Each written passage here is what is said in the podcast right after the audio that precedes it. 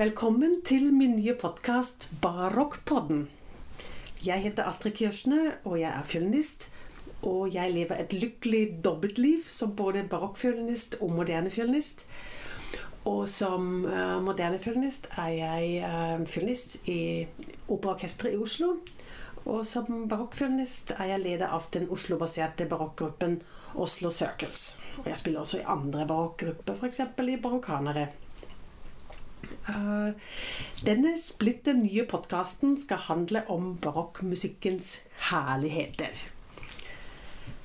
Denne podkasten skal være for alle dere som allerede er interessert i barokkmusikk, men også for dere som er kanskje litt nysgjerrig og har lyst til å lære litt mer om sjangeren.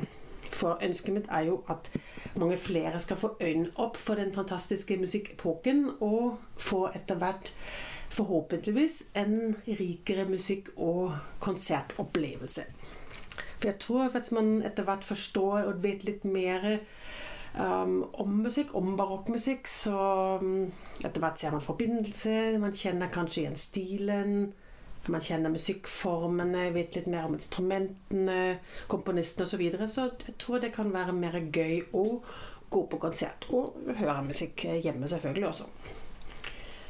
Eh, jeg kommer etter hvert til å ha litt gjester her i Barokkpodden. Det kan være musikk, eh, musikere, barokkmusikere som har spesialkunnskap om et eller annet innen barokkmusikk. F.eks. spiller de spesielle instrumenter. Um, det kan også bli CD-tips og intervjuer og andre samtaler. Og mer. Ja. Så håper at du har lyst å følge med her. Så jeg tenkte i dag starter jeg med en litt generell introduksjon av barokkmusikk. Og så blir jeg heller litt mer spesialisert etter hvert som barokkpodden skrider fram. Altså, i dag um, handler det om hva er egentlig barokkmusikk? Um, la oss se på ordet. Ordet barokk um, er sannsynligvis et ord tatt fra det portugisiske 'perola barocca'. Og det betyr opprinnelig noe sånt som ujevn perle, og det er egentlig et litt et negativt ladet ord, sånn à la grotesk eller skeiv. Um, for ordet barokk ble egentlig først brukt på 1800-tallet, og da syntes man at barokkmusikk var totalt overornamentert, overdrevent, um, egentlig totalt passé, totalt out of date. Um, men det er likevel litt rart å tenke på i dag at ordet skeiv perle skal beskrive en av de eh, rikeste og mest diverse epokene i musikk musikkhistorien. Da. Um, grovt sett er barokktiden uh, i musikken uh, fra ca. 1600 til 1750. Altså dette er bare stød. Litt pluss-minus, men det er sånn grovt sett disse 150 årene fra 1600 til 1750. Uh, men egentlig er jo et så stort tidsrom på 150 år, og også Europa geografisk sett, er altfor stor til å beskrive alt det musikalske som skjedde i det, i det tidsrommet eh, som én stil 150 år, hvis jeg tenker på, alt, på så mye som skjedde da i hele Europa. Eh, hvis dere tenker f.eks. på så berømte og forskjellige verk som f.eks. dette Monteverdis opera 'Orfeo'.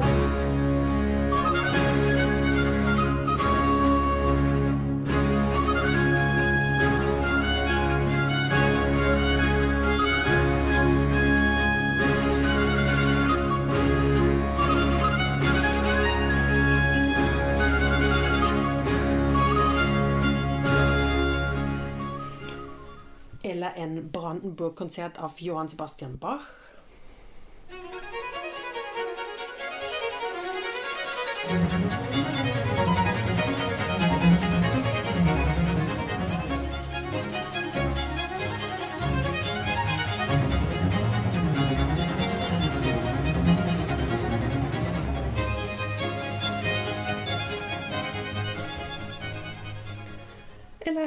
Purcells opera 'Dido og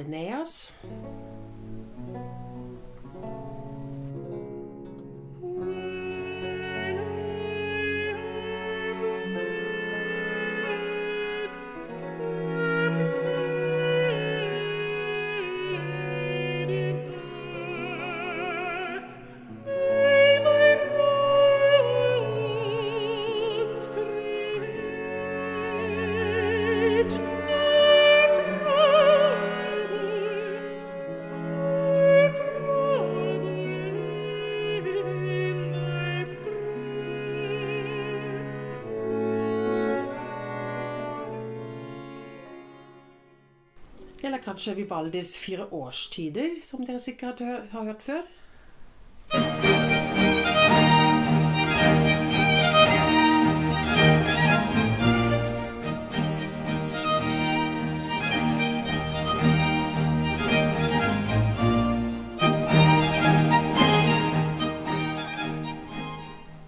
Eller musikk av den franske Jean-Baptiste Lully.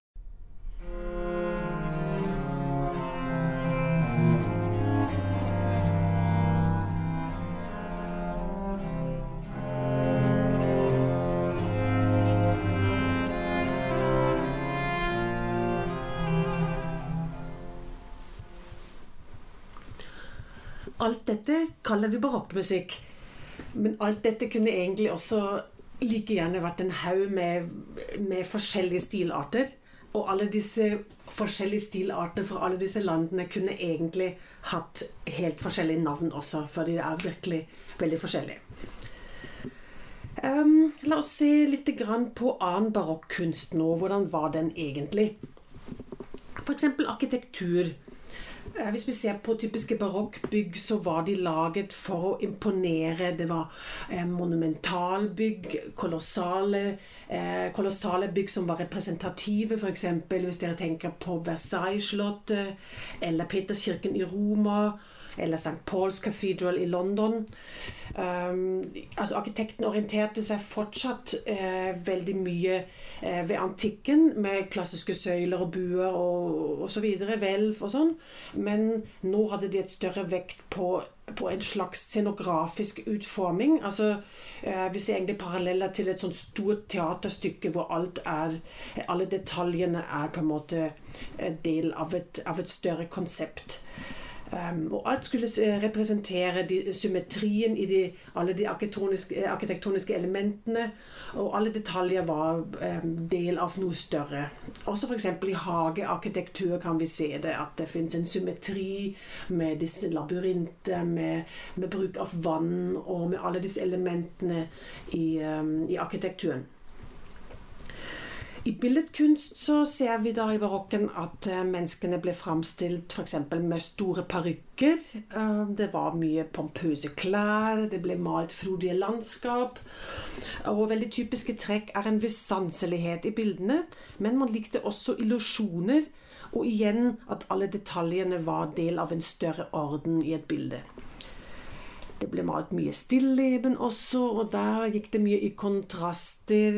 Eh, kontraster generelt var jo et veldig barokt tema også. Kontrast f.eks. mellom forgjengelighet og livslyst.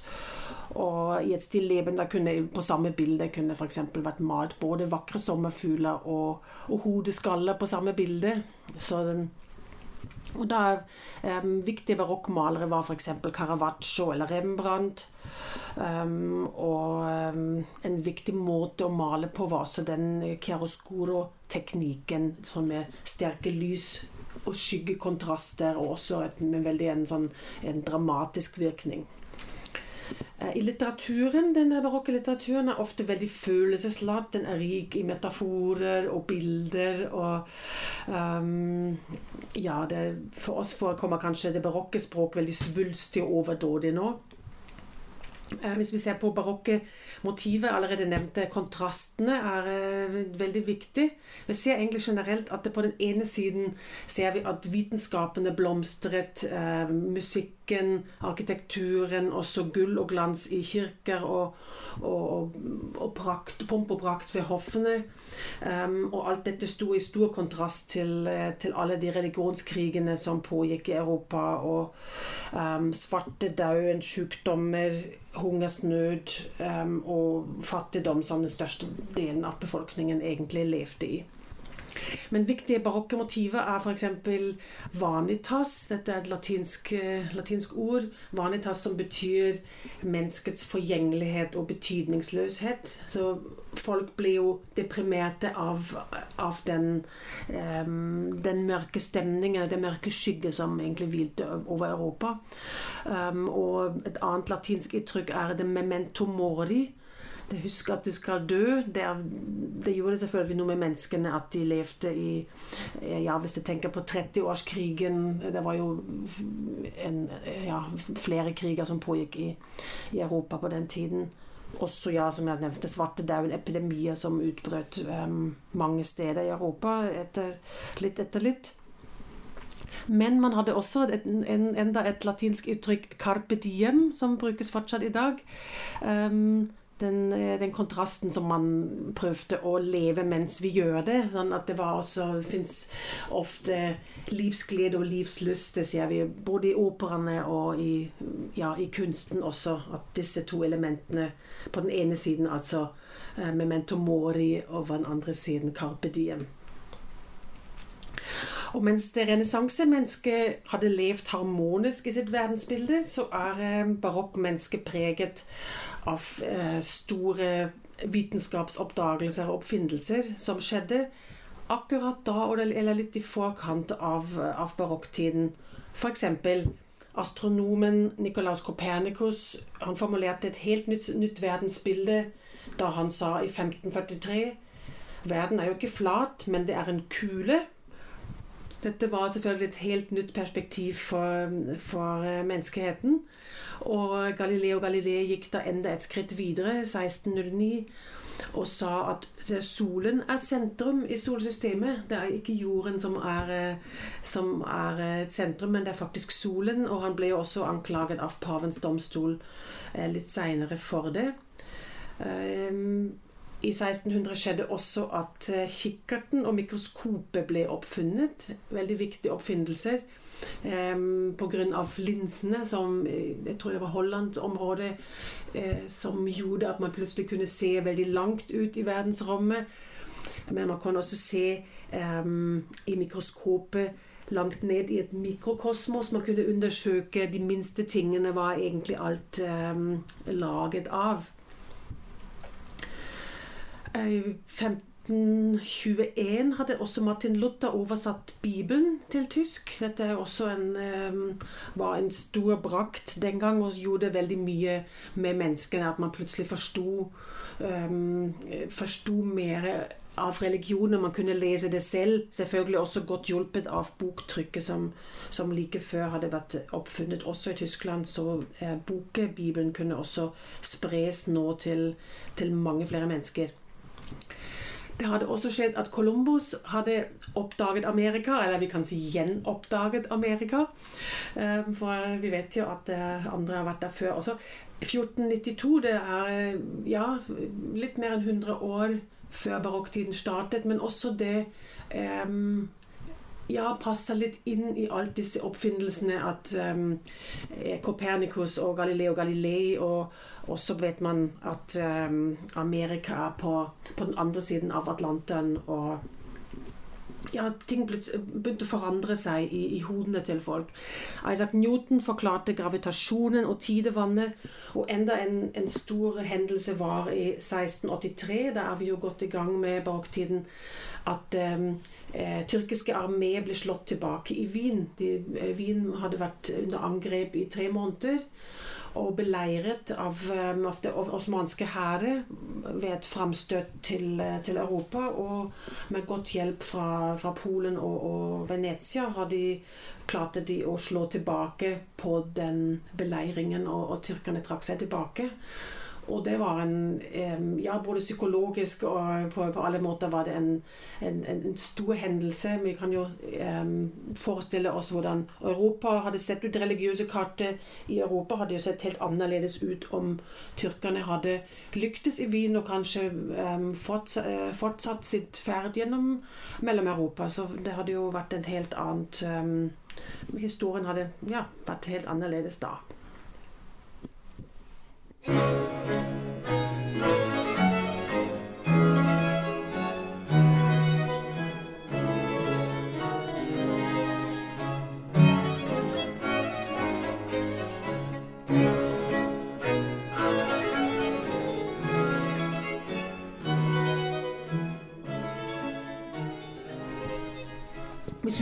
på barokkmusikk, så er den preget av mange komponenter. Ehm, det første er jo nasjonalitet. altså i musikken av land som f.eks. Italia, Frankrike, England, Tyskland, Spania osv., de store europeiske landene, så hører vi litt av de nasjonale egenartene. Hvis dere tenker um, hvis jeg tenker litt på, på, folkemusikk fra de forskjellige landene, i de europeiske landene, f.eks. Spania med sin historie av, um, av, arabisk og afrikansk innflytelse, eller f.eks. England og Skottland, som har brukt sekkepiper siden, siden eh, 1000 etter Kristus. Barokkmusikken fra Spania og England er like forskjellig som, som folkemusikken er. Og vi alle har kanskje hørt om den tyske ordenssansen Ordnung må sein. Dere hører kanskje eh, forskaringen min òg, at jeg opprinnelig kommer fra Tyskland. Um, men dette speiler seg også i musikken. Det var nemlig særlig de tyske barokkomponistene som omfavnet de litt mer intellektuelle og regelbundne musikkformene, som fuge f.eks. Og det er eh, Johan Sebastian Bachs 'De Kunst og Fuge' er da et, uh, det fantastiske mesterverket i den, i den sjangeren. Um, Språk er et viktig element. Barokkmusikken startet jo i Italia, og derfor er det italienske språket også en vesentlig komponent i den utviklingen. Hvis dere tenker f.eks. på melodien og rytmen i språket sammenlignet med den tyske språkmelodien eller den franske, så retorikken er et veldig viktig element. Likeså religionen. Hvis dere hører på et musikkstykke fra barokken, Um, man kan tenke på hva området eller byen var den protestantisk eller katolsk. For de forskjellene i religionene speiler seg også i musikken. Er musikken komponert for en katolsk kirke i Italia?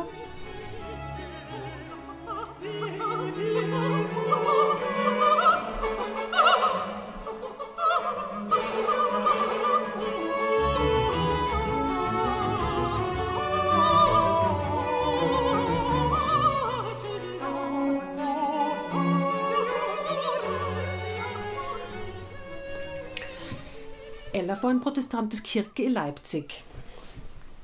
Vi vet jo at katolsk musikk har ofte en latinsk tekst, mens musikken i de, eh, Tysklands protestantiske områder ofte var på tysk. Og husk da, vi er jo også Vi er fortsatt i tiden eh, rett etter, eller en stund etter Martin Luther hadde oversatt Bibelen fra latin til tysk i 1534.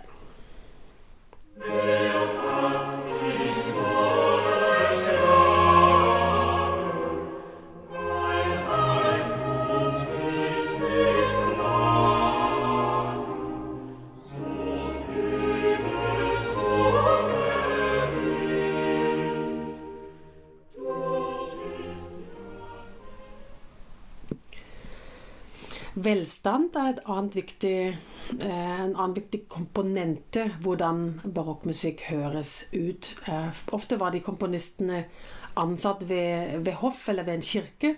Så de rikeste kongehusene eller fyrstehusene var de som hadde råd å bestille de mest overdådige verk den gang. Også kirken, selvfølgelig. For det var her i kirken egentlig at, at, at hvermannsen hadde sjanse å høre riktig god, eh, riktig god musikk. For musikken ved hoffet var jo forbeholdt en nokså liten eh, elite. Eh, lokaler Hva slags lokal er musikken skrevet for? Altså Er musikken skrevet for et palass eller for et lite kammers? Er det skrevet for én musiker eller for 50? Bruker musikken akustikken aktivt? Dette skjedde jo f.eks. i Markuskirken i Venezia, hvor ekorn ble aktivt brukt. Da kan vi også vi kan lytte etter ble musikken spilt innendørs eller utendørs. La oss lytte litt på, på 'Music for the Royal, Royal Fireworks' av Georg Friedrich Händel. Og en del av historien rundt musikken kan vi kanskje um, høre. F.eks. er det, det er komponert for, for utendørs uh, bruk. F.eks. brukes det mange blåseinstrumenter som bærer bedre utendørs. Det er rojalt, det er verdig, det er skrevet for, for å representere den, det rojale. Det understrekes ofte med mange punkterte rytmer. Um, det ble først framført i 1749 og utendørs. Og det ble skrevet og framført i forbindelse med et fyrverkeri som eh, kong George 2. av Storbritannia hadde bestilt. Hør på dette.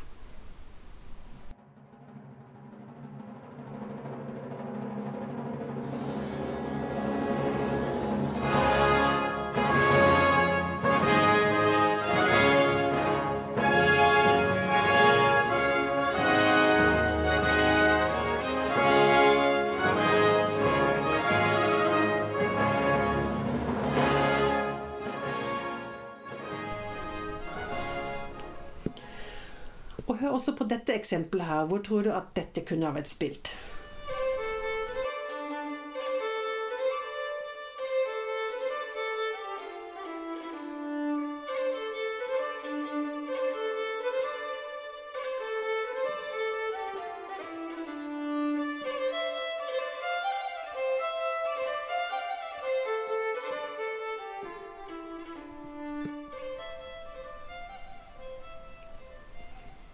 Kanskje mer musikk for en pub eller for et vertshus. For bakrommet, kanskje, for et, for et vertshus. For der skjedde selvfølgelig også musikk. Helt annen, et helt annet klientell og helt andre eh, mennesker som både spilte og, og lyttet til det.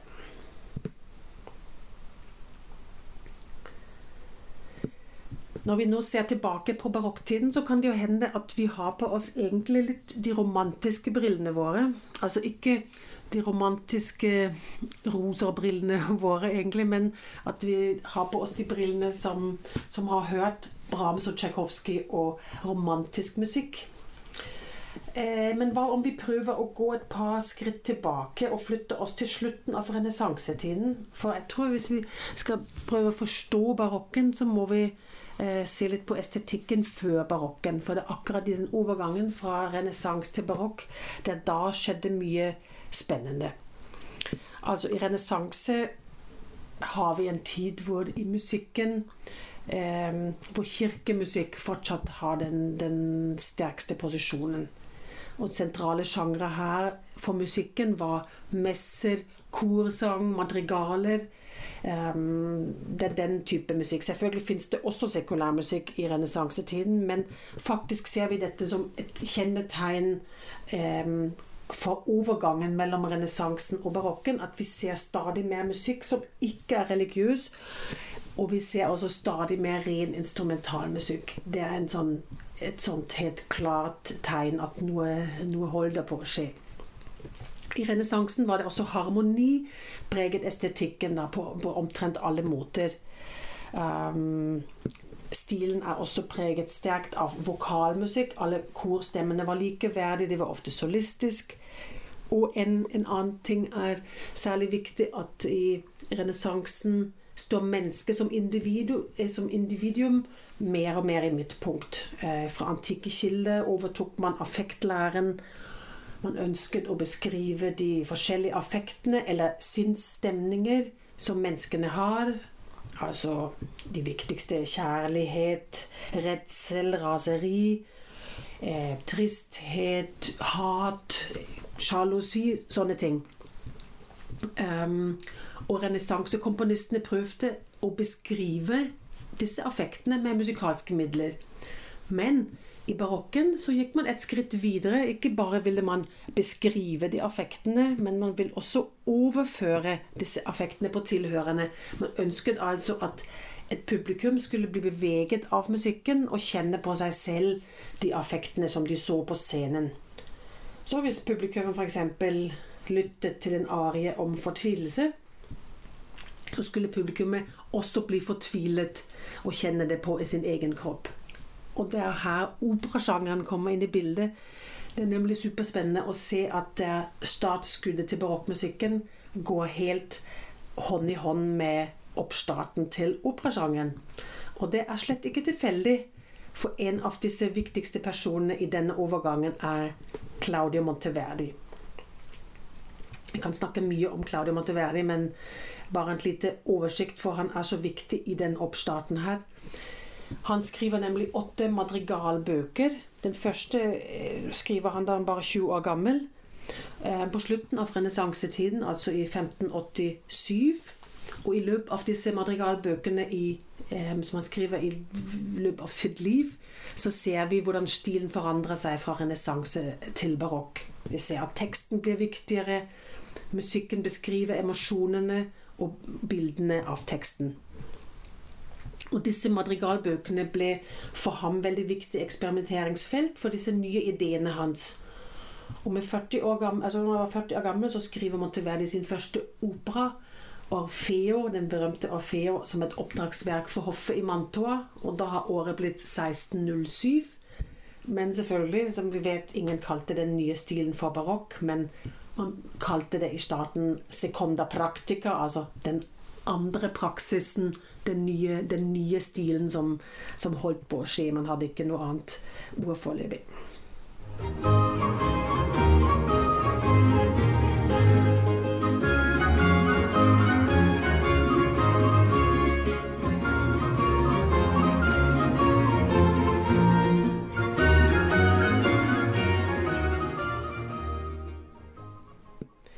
Instrumentene spiller sammen i grupper, og etter hvert ser vi starten av noe som blir et orkester. Så her skjer det mange spennende ting.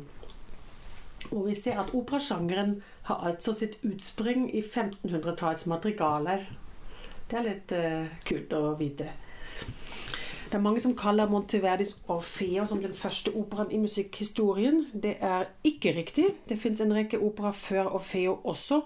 Men allikevel er det Monteverdi eh, som er den store giganten som har gjort mye av det forarbeidet. Altså Det fins par operaer før også, og det er interessant også at det er um, Orfeus Eurydike historien som blir fortalt mange ganger. Det er flere av disse tidligere operaene beskriver akkurat det stammestoffet.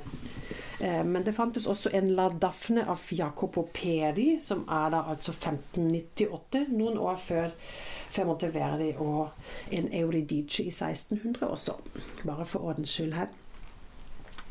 Men la oss se litt på flere tegn på starten av barokkmusikk.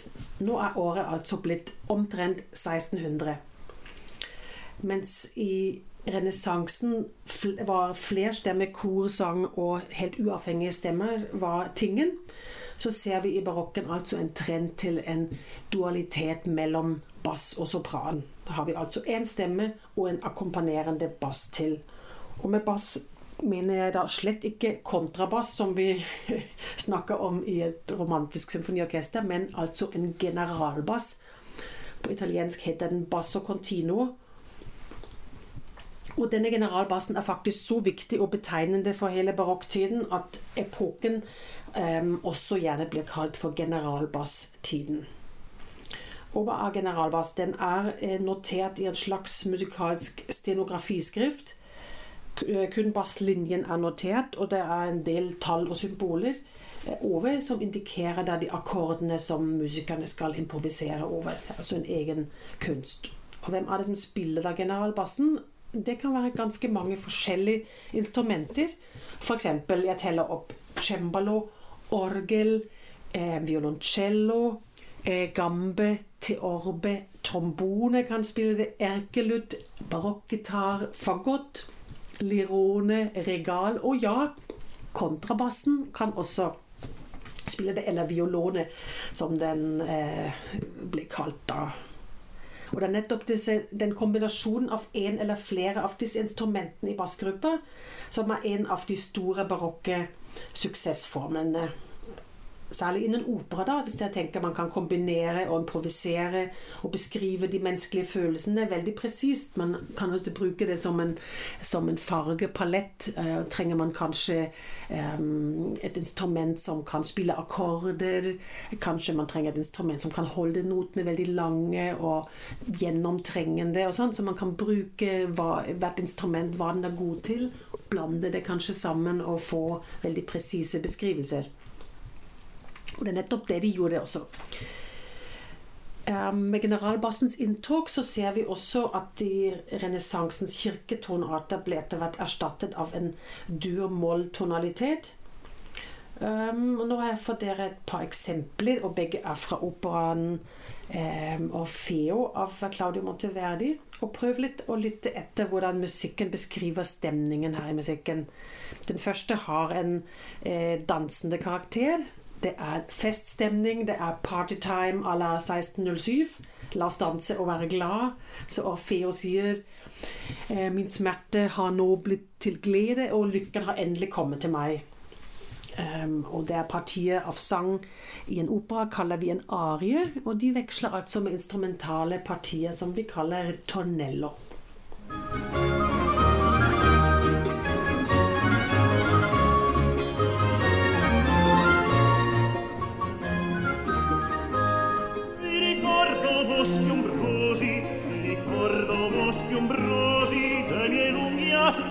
Tormenti quando i sassi ai miei lamenti rispondean fatti pietosi vi ricordo boschi ombrosi vi ricordo boschi ombrosi Og nå neste eksempel. Orfeo han ser at hans elskede Euridike er død, og han synger Du er død, min kjære, og jeg puster fortsatt. Du har forlatt meg, og jeg må bli her. Så hør litt etter den utrolig tristheten. Nå er det en langsom arie, og den er helt Den er nesten ubevegelig. Og dette ja, understrekes selvfølgelig da av, av generalpass, eh, generalbassen. Så dere kan eh, lytte spesielt etter de to kontrastparene. Altså på den ene siden Du er død mens jeg puster. Du har gått, og jeg må bli her. Så det er disse kontrastene igjen.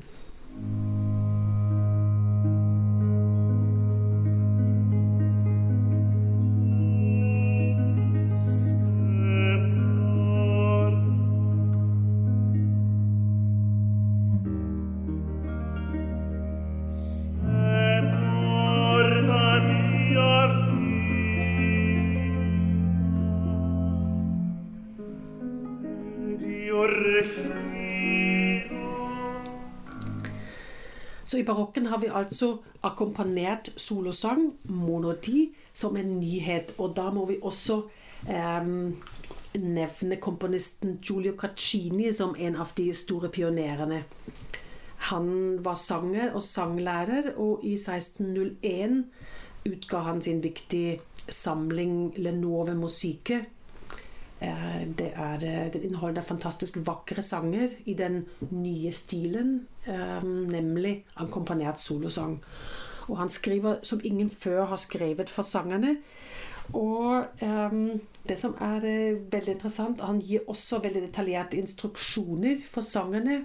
Um, derfor er dette en veldig viktig kilde for dagens barokksangere. Altså han beskriver hvordan man skal synge, og hva slags ornamenter man skal bruke. Hva er den smakfulle stilen. Og Caccini tilhørte da en, en intellektuell sirkel i Firenze. Uh, ja, den Florentina Camerata. På slutten av 1500-tallet var det uh, var denne, uh, Denne sirkelen i Firenze var en slags diskusjonsklubb av um, diktere, det var filosofer, det var musikere, adelsfolk og også en kunstmesen. Og de beskjeftiget seg med ideene av teater og musikk i antikken. Og en, eh, en, av ideene var at teksten skulle bli bedre forståelig, og at musikken skulle forsterke teksten. Så at man hadde en, en recitar cantando, en resiterende sang.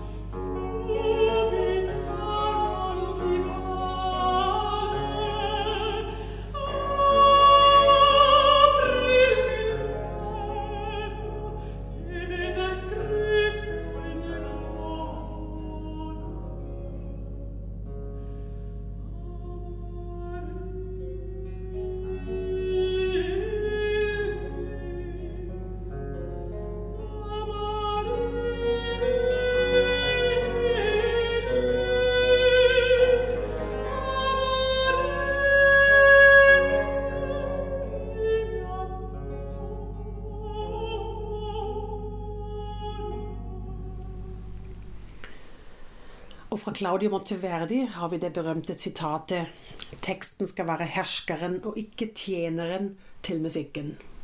Det er et veldig eh, berømt og viktig sitat. Jeg sier det en gang til. Teksten skal være herskeren og ikke tjeneren til musikken. Og det er nok eh, det viktigste startskuddet til barokken. At teksten er i sentrum. Og nå står altså den geniale Claudio Monteverdi klar. Han har etter hvert blitt ansatt ved hoffet i Mantua.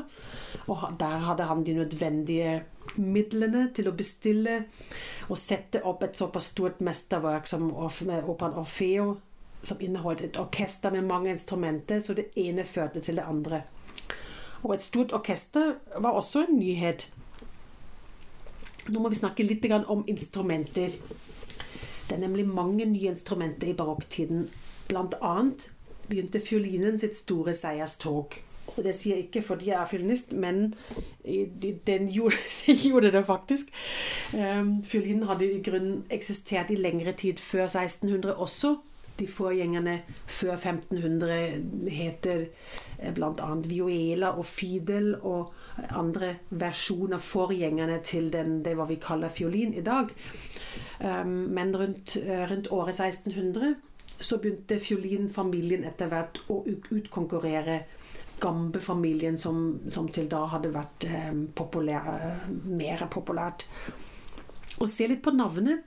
Egentlig heter urformen for fiolinfamilien viola, og ikke fiolin. Så det, man burde egentlig si viola-familien. Altså den fiolinfamilien som vi kaller fiolin, bratsch, violoncello, kontrabass. Ja, den, det fra det romantiske symfoniorkesteret. Um, der er egentlig opprinnelig violer den grunnformen, og en violino er altså en liten viola.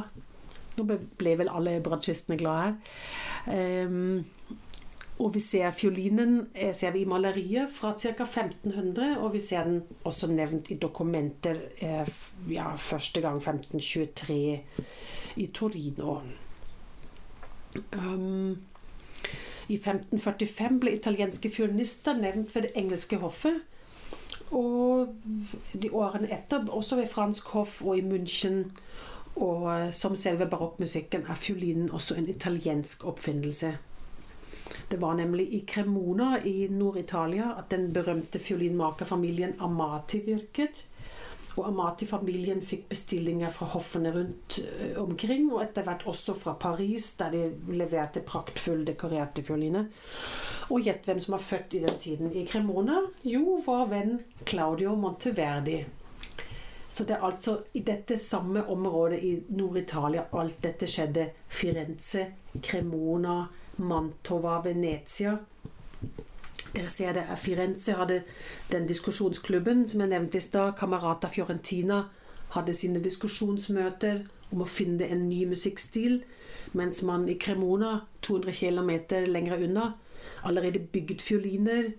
Her ble Monteverdi født. Han var også fiolinist, og han jobbet etter hvert ved hoffet til den mektige og kunstelskende hertug Francesco Gonzaga i Mantova. Og etter 20 år ved hoffet så ble eh, Monteverdi kapellmester i Venezia i Marcosdomen, og han revolusjonerte kirkemusikken der også.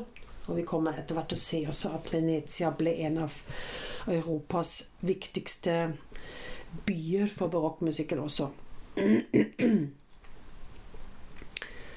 Um, la oss se litt også på instrumentalmusikk for fiolinen. Et av de viktige kjennetegnene for barokken er også at komponistene begynte å skrive litt mer idiomatisk for instrumentene.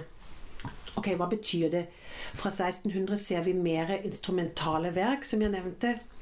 Og fiolinen etterligner jo det menneskelige språket og sangstemmen.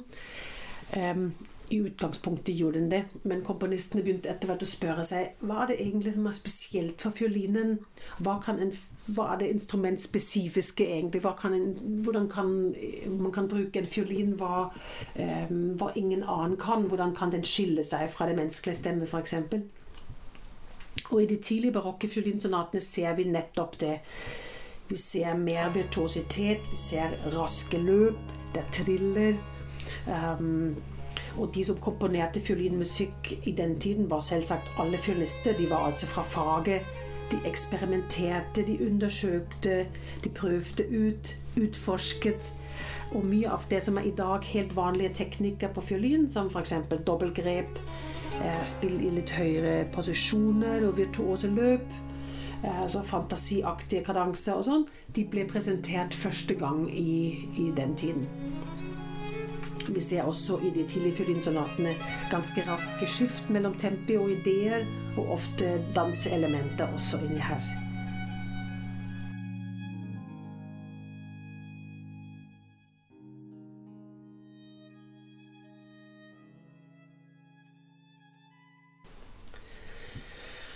Fokuset på det virtuose instrumentale spillet førte jo til at musikerne begynte etter hvert å konkurrere om hvem som kunne spille fortest og mest virtuost. Og dermed ble det skapt den konsertante stilen. Og også nye verkformer. De har alle sitt, sitt um, oppspring da i barokktiden.